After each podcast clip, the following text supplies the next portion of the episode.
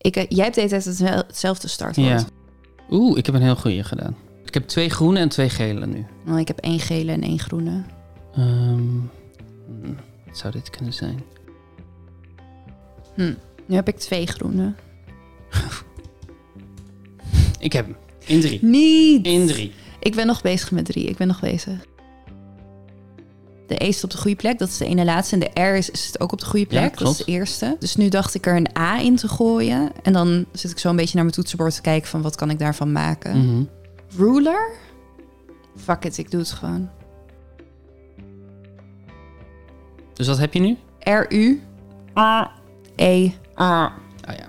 Ru Rupee? Rupee? Eh, hey! Rupee! Rupee. Het is maart 2022. Koud en regenachtig. De lente lijkt nog heel ver weg.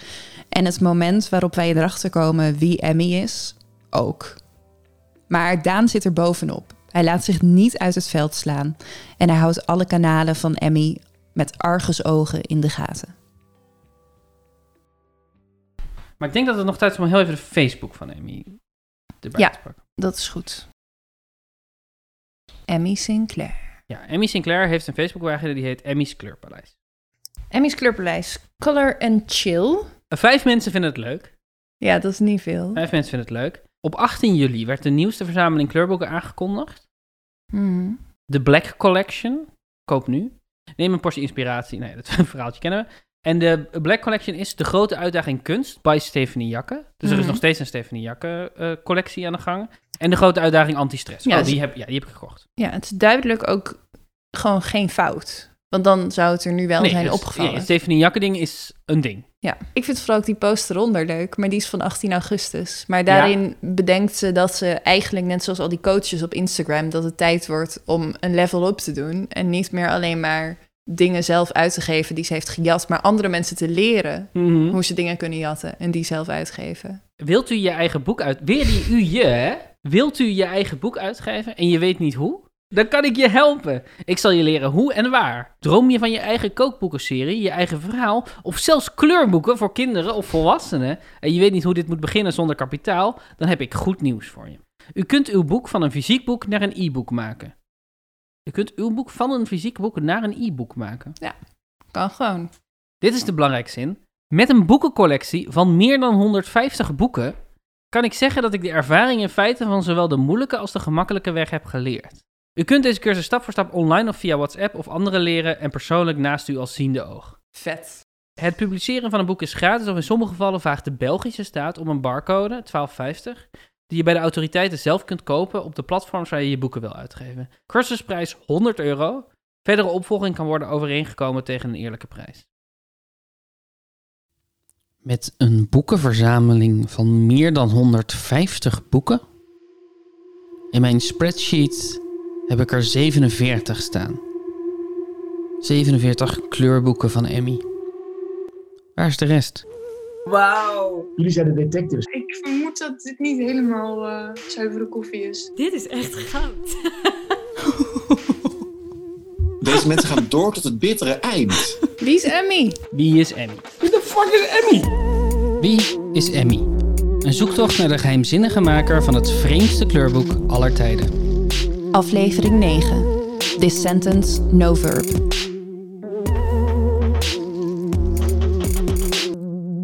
Die post van 18 juli over de Black Collection. Ja. Als ik daarop druk, dan staat er acht keer gedeeld. Dan druk ik erop. eh, sommige berichten worden niet weergegeven vanwege privacy-instellingen. Er is één deel, één deel, een share die Mhm. wel te zien is. En dat is iemand die Jason Bird Crea heet. Die in de groep Tweedehandsboeken, kinderboeken met 3.500 leden het bericht schrijft: Art is amazing. En daarbij de grote uitdaging. Ding deelt. Hmm. Jason Bird Crea is een account met één vriend. En ik weet wat je denkt, maar nee. Die vriend is niet Emmy. Dat, ik heb dat pad helemaal uitgezocht. Ik ga niet zeggen wie die vriend is. Want aangezien die niet Emmy is, ga ik zijn privacy, lekker zijn privacy laten. Maar goed, het is wel duidelijk, het is geen normaal Facebook-account. De coverfoto op het account is een grafische weergave van een piano met eronder de tekst The Viral Project. The Viral Project.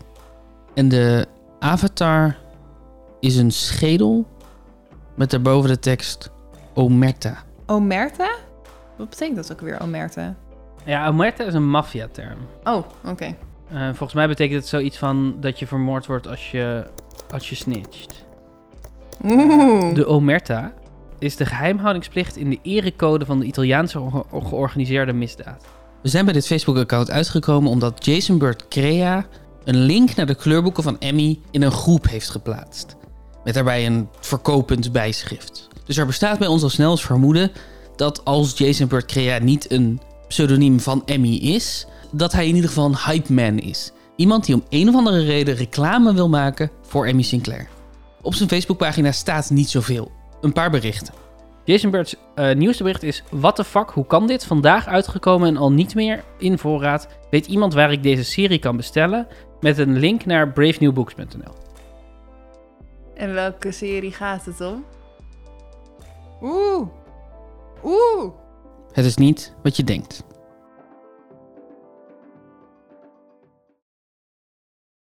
Ruinia Royale neemt je mee door het turbulente leven van Bronsko. Een leven van Rinwa dat zal rijken van een criminele onderwereld tot religie en genereus slaagde in zijn diverse en eindeloze carrière. Dit is Jules de Keizer. Misschien ken je hem nog uit de aflevering over het meisje met de prei. En Jules leest op ons verzoek de flaptekst voor van een boek dat Ruina Royale heet. Vanaf de jaren 90 neemt Bram je mee door de tijd tot nu, waar hij nog steeds de vruchten plukt van zijn carrière. Het is het voor boek. Geweld, seks, drugs en mode zijn slechts het topje van de ijsberg. Bram kent geen finishlijn. Oh my god, zijn we weer. Bram kent geen finishlijn. En wat stond ook alweer op Emmy's Instagram? Onze missie kent geen eindstreep. En Bram is denk ik Bronsko, maar dat weet ik niet helemaal zeker. Nee, dat zou ik ook, want tot nu toe hebben we nog niemand anders echt... Nee, er is één iemand, Turbulente Leven van Bronsko. En Bram kent geen finishlijn. Ja, want er staat erbij, tot het moment dat hij zich realiseert dat je zijn bijnaam, Bronsko, in elke hoek van de samenleving kunt horen. Dus de bijnaam van Bram is Bronsko. Vanuit ja. verschillende buurten, steden en landen werd hij gezien als iemand die je moet kennen om een stap hoger op te komen in een carrière. Bram heeft zijn verschillende handels door de jaren heen met ijzeren hand gerund. Vanaf zijn dertiende ging het mis en dat zonder zijn keuze. En hij was vastbesloten niet als een schaap door het leven te gaan. Geen vader, geen voorbeeld, jong en dom. Precies wild. We hebben nog geen manier om het te bewijzen. Maar alles wijst erop dat Jason Bird Crea Emmy is. En we weten dat we nog 103 boeken van Emmy moeten vinden. Misschien is Rwina Royale, volgens de Brave New Books pagina, geschreven door Malik Amarsh, er daar wel eentje van. Oeh. Oeh. We zijn nu dus weer waar we de aflevering begonnen, bij het ontdekken van Rwina Royale. Ruina Royale. A Pure Mokro Story. Malik Amarsh. Door Malik Amarsh. Eh, kan je zien hoeveel pagina's het heeft?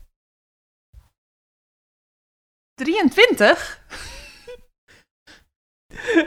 er gaat zoveel gebeuren in 23 pagina's. Ja, ik denk dus, als je kijkt op de voorkant, staat er seizoen 1, aflevering 1. Ja. Dus je betaalt 16 euro voor de eerste 23 pagina's van het verhaal. En hoe loopt het dan af? Echt een hele dure serie. ja, en we komen nu wel bij, bij een spannende tweede laag eigenlijk. Want ik zei hiervoor wel dat ik het niet eng vind om, eh, om Stephanie slash Emmy te confronteren. Maar nu ik weet dat ze bekend is met de mokro onderwereld...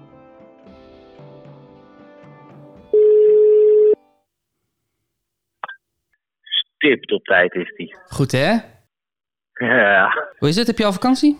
Tot nu toe lukt het me om me aan mijn afspraak te houden. Dit is Abdel Daoudi, theaterregisseur. En de man die meteen in mijn hoofd opkomt als ik het woord Rewina ergens tegenkom. Dat boek heet Rewina Royale, A Pure Mokro Story. Ruina Royale, a Pure Mokro Story. Oké. En ik, er ging bij mij een belletje rinkelen bij het woord Rewina. En ik moest meteen Ja. aan jou denken. Eh, dus ik was benieuwd of jij weet wat Rewina is. Ruina, ja. Oeh, dat, het, het is een eh, het is een Arabisch eh, of eh, Berbers woord. Mhm. Het, het wordt in- het wordt heel erg in het Marokkaans-Arabisch gebruikt. In, eh, in spreektaal. Ja. Eh, ja, en het stamt af van, van chaos. Mm.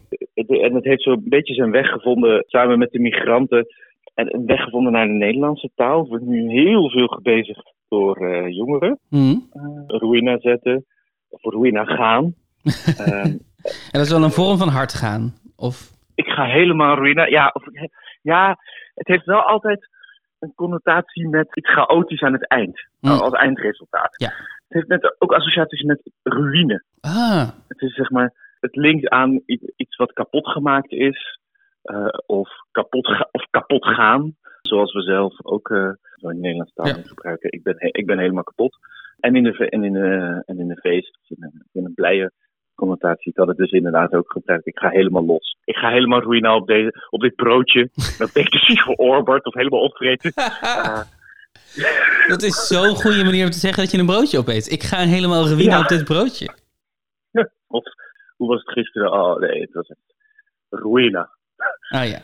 Dat kan je zowel voor, positieve, voor een positieve avond gebruiken of een, eh, of een negatieve avond, maar altijd wel in de extreme. Ja, precies. En het is dus ook wel een woord wat op dit moment heel erg jeugdcultuur of jongerencultuur is. We, gebruiken zeker met die populaire series als eh, of extreem populaire series, eh, series als Mokko Mafia, die heel erg mainstream wordt, gaan we gewoon, net zoals dat we heel veel leenwoorden uit het Frans en, en uit het Engels hebben, komen, komen die nu ook uit het, het Arabisch. En eh, het is voornamelijk de, de, de jeugd die ze oppikt en verder de, verder de taal introduceert. Ja. Ja, precies. En, en, en heeft dat dan ook zijn sprong gemaakt buiten Marokkaans-Nederlandse eh jongeren communities? Of is het toch wel iets wat vooral door Marokkaanse Nederlandse jongeren wordt gebruikt? Weet je dat? Oh nee, nee, absoluut niet. Ik, eh, ik hoor het bij een heleboel, bij een heleboel nou ja, Nederlands-Nederlandse jongeren. En Ja.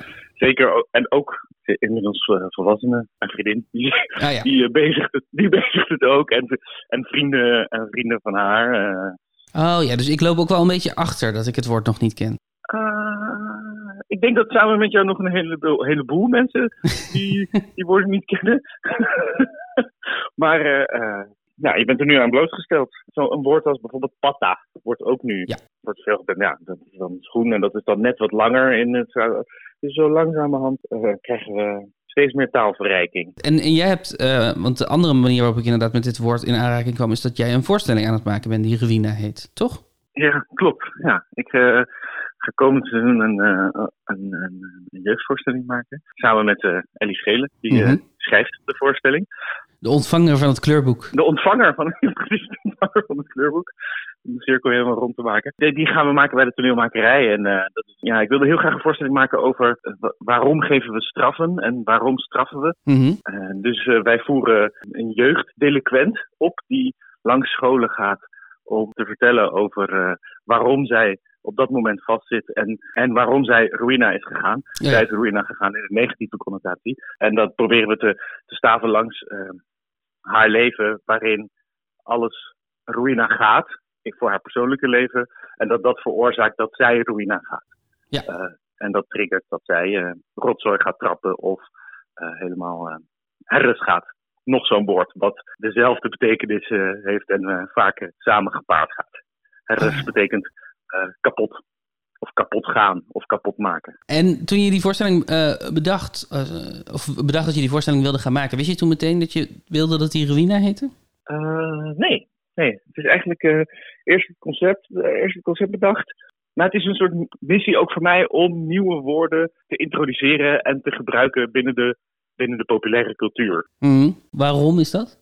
Nou ja, als het goed is, hebben we me nu al een aantal keer het, het leenwoorden horen zeggen. Mhm. In plaats van, van straattaal. Ja. En dat vind ik nou precies het nuanceverschil waar ik zelf heel graag aan mee zou willen werken. Omdat straattaal heeft iets negatiefs of onderontwikkelds. Of, terwijl, waarom he, heten sommige woorden die we gebruiken of die een weg vinden naar de Nederlandse taal straattaal en waarom heten andere woorden leenwoorden? Ja. Dat het Engels komt of als het Frans komt. Door de representatie te verhogen van elke subcultuur die gekoppeld is eh, aan, eh, wat is het, mensen met een migratieachtergrond. Hoop ik zo een steentje bij te dragen aan de, repre- de representatie en de herkenning van jongeren. Het wat er op de vloer en wat op de theatervloer, wat ze voorgeschoteld krijgen.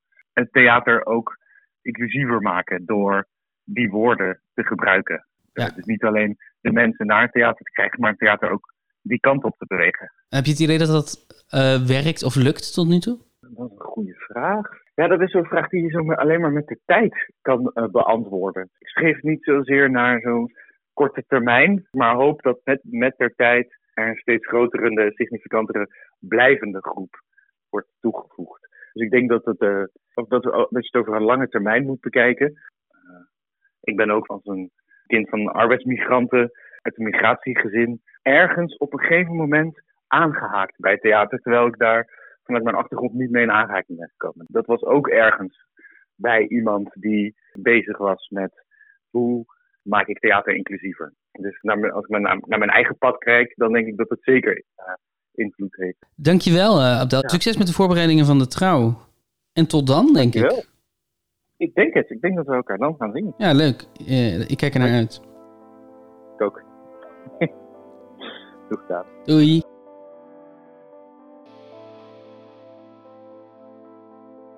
Han- Onhandig voor jou. Kun je niet neerzetten, dan eh, heb je tenminste geen lamme arm straks. Nee, joh, dit Oké. is werk. Dit ben ik gewend.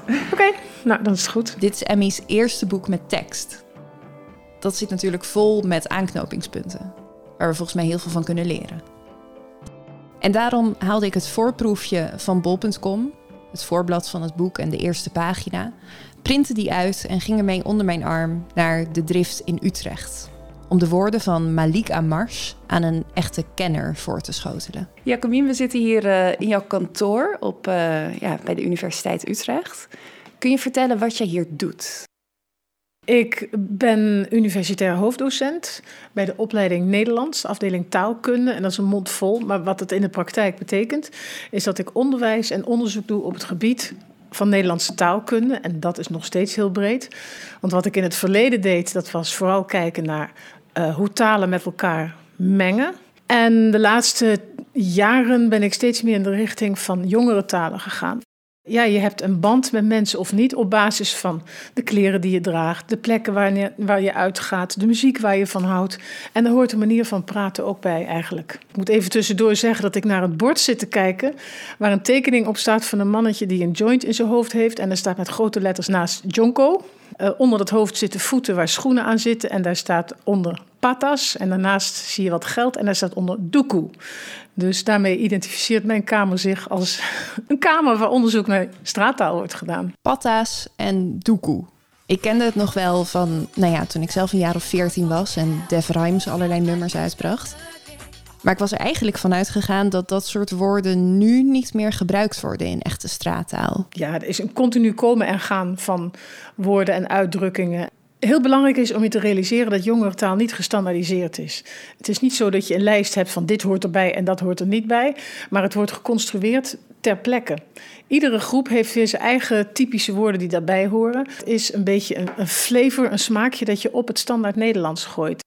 Ja, en een smaakje, dat kan zo simpel zijn als bepaalde stopwoorden die je hebt of uitdrukkingen die je vaak gebruikt. Maar straattaal, in mijn hoofd was dat toch vooral iets voor mensen die ja, niet behoorlijk Nederlands spreken. Degene die echt jongerentaal of straattaal gebruiken, dat zijn mensen die vloeiend Nederlands spreken. Want eigenlijk is het spelen met taal. En je kunt alleen maar spelen met taal als je dit heel goed, heel goed beheerst. Want je weet allemaal dat als je, weet ik veel, een, een kruiswoordpuzzel in, al was het het Engels was, probeert te maken. Of Wordle. Ik doe Wordle in het Engels. Nou, de helft van de woorden ken ik niet. En dan denk ik dat ik heel goed Engels kan. Dus je moet echt een taal heel goed kunnen. Wil je daar helemaal in thuis zijn en woordgrapjes mee maken. En dat is eigenlijk wat er in jongere taal gebeurt. Wat, wat typerend is voor straattaal, voor jongere taal, is dat er dingen gebeuren die niet mogen, zogenaamd volgens de regels. Dus je hebt het over eh, die huis en die meisje. Ook door mensen die heel goed weten dat dat eigenlijk in het standaard Nederlands anders is. En um, dan denk je van, oh, dat is echt iets van deze tijd. Maar ik ben nu aan het kijken naar liederen en gedichten uit de middeleeuwse en vroegmoderne tijd, waar datzelfde in voorkomt. Dus ik kom een zin tegen als ik veu wijn. Nou, veu is Frans. Ik veu wijn. Je zegt je veux wijn of ik wil vin, du vin. Maar je zegt niet ik veu wijn. Dat zou je onmiddellijk corrigeren. En toch kom je er tegen die gedichten. Want er moet worden uitgedrukt dat iemand zo dronken is dat hij niet meer weet wat hij zegt. Maar ik wil laten zien dat er wat het manipuleren van grammatica-regels eigenlijk niks nieuws onder de zon is. Hoe ben je in dit vakgebied terechtgekomen? Je bent denk ik ooit begonnen met Nederlands studeren? Nee, ik ben Scandinavist van huis uit. En daarna ehm, ben ik taalwetenschap gaan studeren, omdat ik dacht met alleen al Deens kom ik niet veel verder. Uh, ben toen tijdens mijn studie vanuit die interesse Marokkaans-Arabisch gaan leren. Heb gestudeerd, ben afgestudeerd bij René Appel. En dat is eigenlijk degene die in Nederland in eind jaren negentig uh, die jongerentaal heeft ontdekt. Ja, nou ja, zo loopt het leven natuurlijk gewoon soms ook. Er was eigenlijk helemaal niet zoveel bekend over taal waarin andere talen met een laag prestige invloed hadden. Wat we wel altijd al kennen, dat is dat er wordt geleend uit woorden uit, uit talen die uh, hoog prestige hebben. Dat was in het verleden al zo met Latijn en um, nu is het zo heel veel met Engels. Want op het gebied van technologie en dat soort dingen kijken wij op tegen het Engels. En nieuwe begrippen nemen wij met woorden al over. En daar is best veel over bekend binnen tweetalige sprekers. Maar dit specifieke verschijnsel, dat was interessant. Want iemand die best veel jongere taal gebruikt, als hij een sollicitatiegesprek heeft, dan gaat hij niet zeggen: Hé hey man, hoeveel doekel ga ik krijgen? Maar dan zegt hij: Kunt u mij misschien zeggen hoeveel ik ga verdienen? Die weet heel goed wanneer dat wel en niet gebruikt. Dus dat laat heel duidelijk zien dat je de keuze hebt voor een bepaald ja, register of lekt, of hoe je het ook noemen wil, of variëteit. En die variëteit, of lekt, of register, of hoe je het ook noemen wilt. Dat deed mij denken aan een anekdote uit mijn eigen jeugd. Mijn broertje, ik denk dat hij een jaar of veertien was. Die zat denk ik in twee HAVO. En toen begon hij ineens uh, zo te praten. Ja. en ook de hele tijd als er iets gebeurde thuis... voor die verontwaardiger was, zei die taz. Ja. ja, ik herken dat heel duidelijk. Want dat is ook wat ik het allereerst ontdekte. Ik ging namelijk met de woorden die ik uit het onderzoek van René Appel kende, rond het jaar 2000, schat ik, of iets voor die tijd, uh, naar een stelletje jongens in Utrecht. Ik zei van, uh, kennen jullie die woorden? Nee, zeiden ze, die kennen, niet, kennen we niet. Maar we kunnen wel zo praten, weet je. Uh, zoals zij denken of dachten dat Turks en Marokkaanse mensen in Nederlands leren spreken.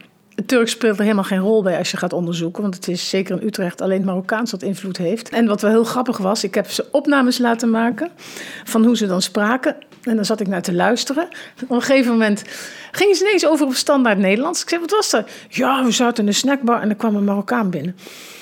En dat laat zien dat ze zich eigenlijk voor schamen. Tegelijkertijd dat het binnen de eigen groep, binnen de echte duidelijke grens van de eigen groep, een status heeft. En dat het heel erg leuk en spannend wordt gevonden om zo te spreken. Ook een soort sport van. Um, ja, wie kan het het beste? En toen ik op school zat, hadden we een tijd dat we gingen we expres met een Duits accent praten. Nou, eigenlijk is het hetzelfde grapje, maar dat doe je natuurlijk niet als een Duitser bij je staat in de buurt, want dan denk je dat hij zich voor gek, uh, voor aap gezet voelt. En het is stiekem de, de brave uh, hockey gymnasiumjongetjes die, die het super spannend vonden en opkeken naar die jongens die uh, een heel ander soort carrière aan het maken waren. Ja, want het zijn dus echt witte jongens die dit, die dit ja, doen. Ja, ik weet niet of het nog steeds zo is hoor. Ik, um, ik heb daar een tijdje naar gekeken en het is typisch een in-de-group verschijnsel. Terwijl dat, dat hele straattaal, jongerentaal, dat gaat juist over etnische grenzen heen. In de Rotterdamse scene heb je wat meer Kaapverdiaans, Utrecht wat meer Marokkaans gebaseerde woorden. En Amsterdam wat meer Sanang, Surinaams gebaseerde woorden. Maar voor de grote lijnen, zoals Fresco uit Eindhoven, um, is een mooi voorbeeld. Die... Uh, uh, helemaal geen Eindhovens gebruikt, maar dezelfde woorden die je in Amsterdam ook hoort. Al wiep je 100 bitches backstage. Dat je bullets net als Carlo Max Never dat die ons in jouw stacks geeft. Voor Hilversum ben je geen talent, nee. Het drukt op een of andere manier uit dat je niet van plan bent zo te doen als de mainstream. Maar dat je verzet daartegen. In de sociolinguïstiek wordt ook gesproken over anti-languages, anti-language. Je laat daarmee zien dat je dat je niet uit bent op een dikke baan als bankdirecteur met een hoog salaris, maar dat je eventjes bij een andere groep hoort. En dat eventjes, dat is ook heel interessant, want het is een identiteit van dat moment. Maar we hebben allemaal op ieder moment een andere identiteit. Want jouw identiteit als interviewer is nu heel anders dan wanneer je thuis zit. Identiteiten zijn tijdelijk. Het kan dus zijn dat Emmy, toen ze het voorblad van de grote uitdaging anti-stress maakte, zich meer een Stefanie Jakke voelde. En bij het achterflap een Emmy. En een paar maanden later ineens een mokromafia-schrijver. Het ene moment uh, heb je het voor het zeggen, het andere moment niet. Het ene moment ben je informeel, het andere moment niet. En Ja, daar kun je mee spelen en je taalgebruik past zich daarbij aan. Als je een podcast gaat maken, dan hoor je jezelf de hele tijd terug. En ik hoor inderdaad dat, nou ja, niet zozeer mijn taalgebruik, maar als ik mensen interview, dan is mijn stem gewoon, ik denk, een octaaf of een halve octaaf hoger.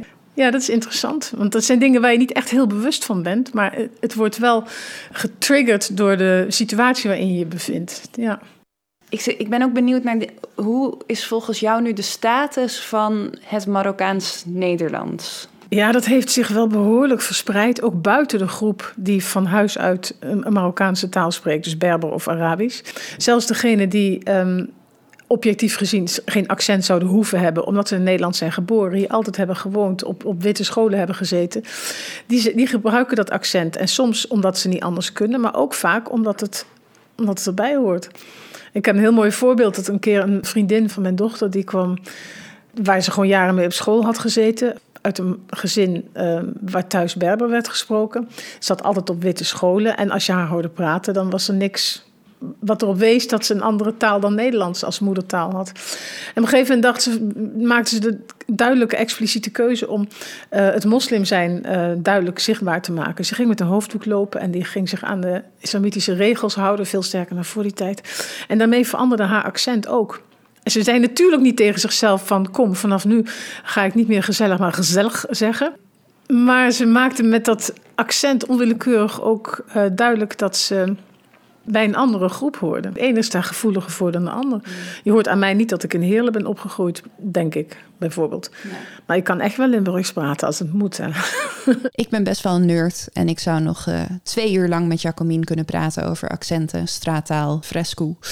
Maar het werd echt tijd om het boek tevoorschijn te halen. Ik ga je iets voorleggen. Ehm, dit zeg je, ja, dit is vrij klein, maar dit is de flaptekst. Maar het eerste woordje, ruïna, is eh rellen of iets dergelijks, Arabisch woord. Uh, ruïna Royal is dan de naam van ehm, ja, een of andere club die, neem ik aan, die, eh, die, die houdt van de boel op stel te zetten. Ja, dat is ook de titel van het boek, Ruina Royale. Oké, neem je weer de turbulent van Bronsko. Bronsko lijkt me een naam van een stad, echt of denkbeeldig, die verstraattaald is. Damsko is Amsterdam, Utka is Utrecht, et cetera. Dus Bronsko kan ook de naam van de stad zijn. Een leven van ruïna, nou ja, een leven met de druktemakers, rellen en zo, dat zal rijken van de criminele onderwereld tot religie en genereus slaagt in zijn diverse en eindeloze carrière. Een leven van ruïna, een leven dat een carrière kan hebben. Oké, nou ja. Vanaf de jaren Wij 90 hebben hier dus ook veel, veel vragen over. En ik was inderdaad benieuwd van, is dit nou omdat ik niet begrijp wat hier staat... en er te veel talen met elkaar vermengd worden... of klopt het gewoon niet? Nee, het klopt gewoon niet. Want eh, genereus in dit geval betekent ook niks. Dus iemand die probeert alles uit van stal te halen om een erudite indruk te maken. Vanaf de jaren 90 neemt Bram je mee door de tijd. Ja, ik zou Bram met een hoofdletter schrijven. Maar goed. Neem eh, door de tijd tot nu, waar hij nog steeds de vruchten plukt van zijn carrière. Oké. Geweld, seks en drugs en mode zijn slechts het topje van de ijsberg. Oh, er is dus nog veel meer dan dat. Bram kent geen finishlijn. Finishlijn. Tot het moment dat hij zich realiseert dat je zijn bijnaam Bronsko. Oh, dat is een persoon. Oké. In elke hoek van de samenleving kunt horen. Vanuit verschillende buurten, steden en landen werd hij gezien als iemand die je moet kennen om een stap hoger op te komen in een carrière. Oké, dus een soort uh, Ridouan T. Het is nogal een omslag van Emmy Sinclair met haar kleurboeken met Hamza-handen... naar de Ridouan T van Ruina Royale. Bram heeft zijn verschillende handels, handeltjes zou ik zeggen, door de jaren heen met ijzeren hand gerund. Vanaf zijn dertiende ging het mis en dat zonder zijn keuze. Zonder dat hij dat wilde. Zonder zijn wil. Buiten zijn wil om. Oké, dat zou ik ook anders geformuleerd hebben. En hij was vastbesloten niet als een schaap door het leven te gaan. Geen vader, geen voorbeeld, jong en dom, precies wild. Precies wild. Maar Bram zelf, Bram wil zelf het lot bepalen. Volg de serie van een indrukwekkend verhaal. Iemand die zich onderaan de put, onderin de put bevindt en toch iets van zijn leven weet te maken, maar dat gaat niet zonder slag of stoot. Ja, weet je, als je iets zegt over taalgebruik, dan krijg je altijd onmiddellijk te horen van ja, dat maakt toch helemaal niet uit en dat is belangrijk en als de boodschap maar overkomt. Maar goed. Uh, ja. je, werd je vroeg me of ik de commentaar wilde leveren. Ja, nee, precies. En ik bedoel. Ik heb hem nooit eerder gezien, hè, die tekst. Is dit zoals iemand schrijft die bijvoorbeeld het Nederlands misschien nog niet helemaal machtig is? Nee, het is iemand die goed Nederlands kan, maar die niet heel verschrikkelijk goed kan schrijven. En hoe kun je dat zien, dat hij wel goed Nederlands kan? Want er zitten zoveel fouten in. Ja, maar er zitten ook constructies in. Eh, bijvoorbeeld, Rowena Royal neemt je mee door het leven van Bronsko. Nou, dat is een goed geformuleerde zin. Ja, ik kom er ni- niet echt grammaticale fouten in tegen. Het is ook duidelijk iemand die best veel woorden kent in het Nederlands. Maar wel heel duidelijk eh, formuleringsfouten die te maken hebben met stijl en met, ja, misschien met spreektaal en niet zozeer met schrijftaal. Zou het de moedertaal zijn van degene die dit heeft geschreven, Nederlands? Dat zou heel goed kunnen. Misschien niet de enige taal. Maar weet je, er staan, eh, er staan heel weinig straattaalwoorden in. Eigenlijk alleen het woord ruïne. En Bronsko. Bronsko, ja, dat is ook een woord wat typisch eh, niet in het standaard Nederlands voorkomt. Maar ja, ik heb het niet letterlijk, maar er staat verder helemaal geen straattaal in of, of jongerentaal. En ook niet van de, ehm, wat je vaak tegenkomt in straattaal, is fouten die expres gemaakt worden om zo te klinken als iemand die het Nederlands niet goed spreekt. Hè, zoals die huis, die meisje of ehm, je weet toch. ehm, je moet zeggen het Nederlands, je weet het toch of iets dergelijks. En dat eh, is helemaal een eigen leven gaan leiden. Maar dat kom je hier niet tegen. Het is inderdaad vooral zo'n zin zoals vanaf zijn dertiende ging het mis en dat zonder zijn keuze. Dat ik denk, wat een vreemde constructie. Ja, maar je begrijpt wel direct wat er bedoeld wordt. Hij bedoelt, of zij, neem aan hij, buiten zijn eigen wil om of iets dergelijks, zonder zijn keuze. Ja, zo kunnen mensen best praten. Ja. Zelfs bij eh, eh, op één of zo. Ja, wij zijn dus op zoek naar, eh, naar de anonieme maker van onder andere dit boek en vele andere handeltjes of handels, zoals hier dan wordt gezegd. En wij spelen ook nog met de gedachte dat, hij, dat diegene misschien Vlaams zou kunnen zijn. Zie je daar nog aanleidingen voor? Nee, daar zie ik geen aanleiding voor. Maar er zijn bepaalde constructies die je zou verwachten in het Vlaams. Wat de Brabanders ook zeggen. Ik heb 2 euro bij in plaats van bij me. Of dat heeft hem gezegd in plaats van dat heeft hij gezegd. Ja. Maar dat is vooral spreektaal. Dat zie je niet per se in geschreven taal. Er is ook geen reden om aan te nemen dat hij niet Vlaams zou kunnen zijn. Maar er is niks expliciet in wat ik zo gezien heb dat het eh, Vlaams maakt. Zou je willen doorbladeren naar de eerste pagina van het boek? Ruina Royal, Malik Amash. Malik is eh, het Arabische woord voor koning, maar het is ook een voornaam. En Amars? Amash, dat klinkt als een achternaam.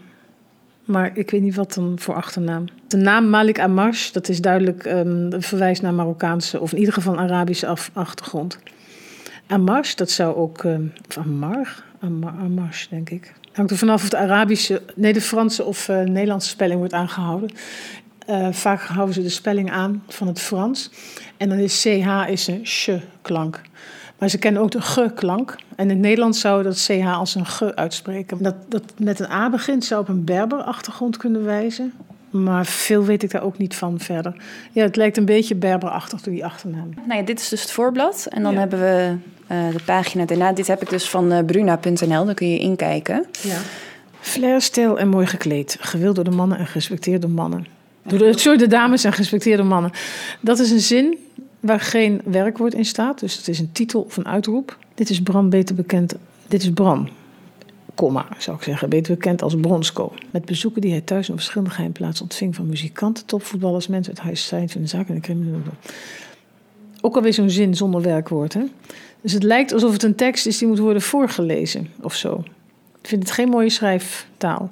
Even kijken. Dat zijn duidelijk groepen mensen waar hij tegen opkijkt. Hij kijkt op tegen muzikanten, topvoetballen, mensen, high society van de zakenwereld, de criminele groepen. Dat is allemaal stoer en spannend. Mensen uit verschillende hoeken van de samenleving.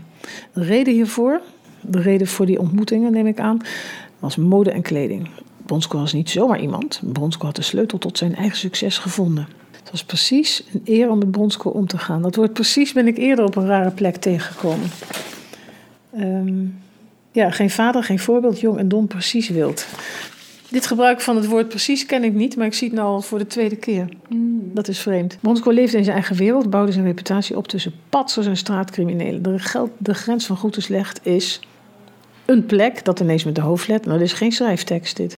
Waarin hij zich altijd thuis heeft gevoeld. Hoe raar het ook klinkt, Bronsko leeft graag in de grijze zone en die rand miste hij niet. Nou, het barst van de schrijffouten. Maar niet per se omdat het geen moedertaalspreker is, maar omdat het iemand is die, die geen belang hecht aan correct schrijven. Bijvoorbeeld geen leestekens, dat is het belangrijkste punt. Of zinnen zonder werkwoord. Eh, this sentence no verb. Ja. Maar voordat Bronsko, nu weer met een kleine letter, deze positie in eigen wereld heeft bereikt, moeten we helemaal terug naar het begin, waar Bram 13 jaar oud was. Voordat hij in de jaren 90 Bronsko werd genoemd. Jonge jongens, jonge jongens kenden nog niets van de wereld. En hoe slechter voorgoed mensen kunnen zijn. En, hoe, ja. en dus op een weekend, zaterdag 10 uur, de dag die hij nooit zal vergeten. Een dag om te treuren. Ook dat is een hele slechte zin, al snap ik wel wat hij bedoelt. Wat maakt het een hele slechte zin? Op een weekend, zaterdag 10 uur, de dag die hij nooit zal vergeten. Als ik het zo voorlees, dan hoor je dat het niet deugt, toch? Het doet mij ook gelijk denken aan de dag die je wist dat zou komen, is Ja. eindelijk hier. Ja, ja, ja. Er wordt op de deur geklopt. Een geklop die uitsteekt tegenover andere mensen die op een deur kloppen. Ja. Maar goed, ik heb ook studenten die zo schrijven hoor. Dus Echt het- waar? Oh mijn god. En wat voor dat zijn studenten taalwetenschappen, die schrijven zo. Nederlands, Ja, ja. Nee, niet allemaal, maar het komt voor dat je mensen tegenkomt die zoiets opschrijven. Dus er wordt op de deur geklopt. Bram sliep nog goed, maar zijn moeder was wakker. En zoals het hoort ging ze de deur openen. Toen zijn moeder de deur opendeed... De, de tijden worden door elkaar gebruikt. Hè? Zag ze daar twee blanke mannen staan... die gezag en orde uitstralen, straalden. Stralen. Ze vroeg haar vriendelijk of Bram hier woont. Nu is weer verleden tijd. En zo ja, waar haar zoon Bram is. Natuurlijk verstaat de moeder van Bram geen Nederlands. Ah, ze komt uit Marokko. En dan nog dat van de deel waar de Berbers zijn. Zie je dat Amash? Dat zou best kunnen dat het inderdaad een Berbernaam is. Brams moeder legt aan de twee blanke man- mannen bij de buitendeur met hand en tand uit. dat zeg je niet zo. Dat ze haar zoon wakker gaat maken voor vertaling.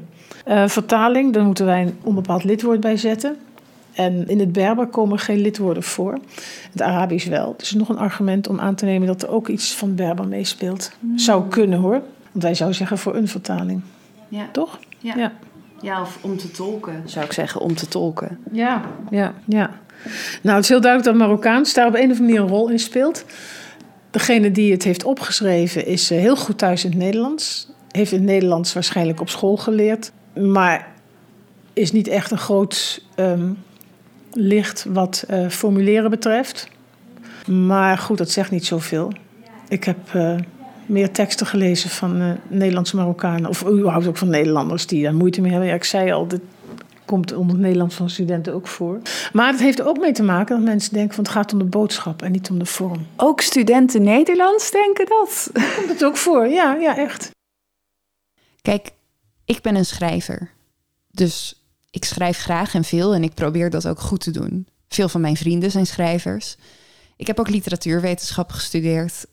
En ik kan me gewoon eigenlijk niet voorstellen dat je kiest voor een studie Nederlands zonder dat het je boeit hoe je tekst klinkt.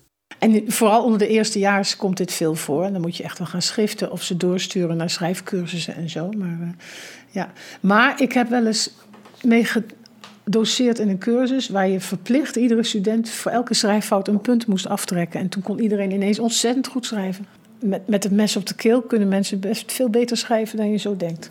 Het heeft dan misschien iets te maken met ook een coolheid en een, en een desinteresse om de tekst helemaal tot in de puntjes te verzorgen. Ja, ik weet niet of dat bij deze persoon ook het geval is. Want misschien kan hij het echt niet. Hij of zij, ik denk hij. Waarom denk ik dat? Nou, dat weet ik eigenlijk niet. Het lijkt me dat hij Nederlands onderwijs heeft gehad. En ook best lang. En eh, dat hij plezier heeft om de dingen op te schrijven. Dat het erg gebaseerd is op spreektaal. En een paar hele kleine aanwijzingjes zijn er voor een Marokkaans-Berberse achtergrond. Dat woord wordt binnen de gemeenschap zelf niet zo heel veel gebruikt. Want een Berber is, ja, dat woord is afgeleid van het eh, Griekse woord barbaros. Het zijn mensen die niet verstaan, die altijd bla bla bla zeggen. En Berbers zelf zeggen, die zeggen tamazicht of tarifiet, noemen ze hun taal. Maar dit is duidelijk gericht op mensen die Nederlands lezen en begrijpen. Dus dan wordt dat woord wel gebruikt. En wat is de kans dat dat Berber hier gewoon geïmiteerd wordt voor, voor status? Ja, het komt te weinig voor om te kunnen zeggen dat het met status te maken heeft. Ik zie één keer dat er een lidwoord is weggelaten. Ja, precies. Dus je- zou, ja, wat je zei van over die meisje en die huis, dat zou je dan consequent inzetten om cool te zijn. En hierbij is het echt meer gewoon één klein foutje. Deze persoon die doet duidelijk zijn best om goed Nederlands te schrijven. Ik vind het echt een fantastische paradox dat je zowel als je het voorleest eigenlijk in elke zin meerdere fouten vindt. Ja. En kunt zeggen hij doet heel erg zijn best om eh, goed Nederlands te praten of te schrijven? Ja, want er zit, er zit een goede constructie in. Hij is beter bekend als, dat je dat woord als daar gebruikt. Even kijken hoor, of nog een voorbeeld. Hoe raar het ook klinkt. Nou, dat, dat, als je geen Nederlands kan of slecht Nederlands, maak je zo'n zin niet. Dan, dan kun je dat heel goed. En dus dit, is, dit zijn stijlfouten en niet zozeer een fout met de vlo- vloeiendheid. We vroegen het aan Arnold Grunberg, we vroegen het aan Jules de Keizer en ik vroeg het natuurlijk ook aan Jacomine Nortier. Wie is Emmy? Wie zie je nu eigenlijk voor je? Ik zie een redelijk jonge Marokkaanse persoon voor me. Die in Nederland waarschijnlijk geboren is en op school gezeten heeft. Ik denk aan een stedelijke context en ik kan echt niet goed beoordelen waarom. Even zien hoor. Dingen als een ruïna, dat zie je toch vaak in stedelijke contexten dan in, ehm, op, op, platteland. Is dit taalkundig interessant of zeg van nou, Ja, weet je, ehm, als taalkundige ben je niet geïnteresseerd in hoe het hoort, maar in wat er gebeurt. En in die zin is het wel interessant om te kijken hoe, dat, hoe die tekst zo doorloopt. Ja, zeg want ik de rest van het verhaal niet eh, ken. kan deze Malik Amarsh, de Berberse koning van het Ruïna-leven, dezelfde persoon zijn als Emmy Sinclair van The Great Challenge Antistress? En is Malik dan de echte Emmy? Of is het simpelweg een zoveelste rol? En als dat zo is, wie speelt die rollen dan? Wie is Emmy?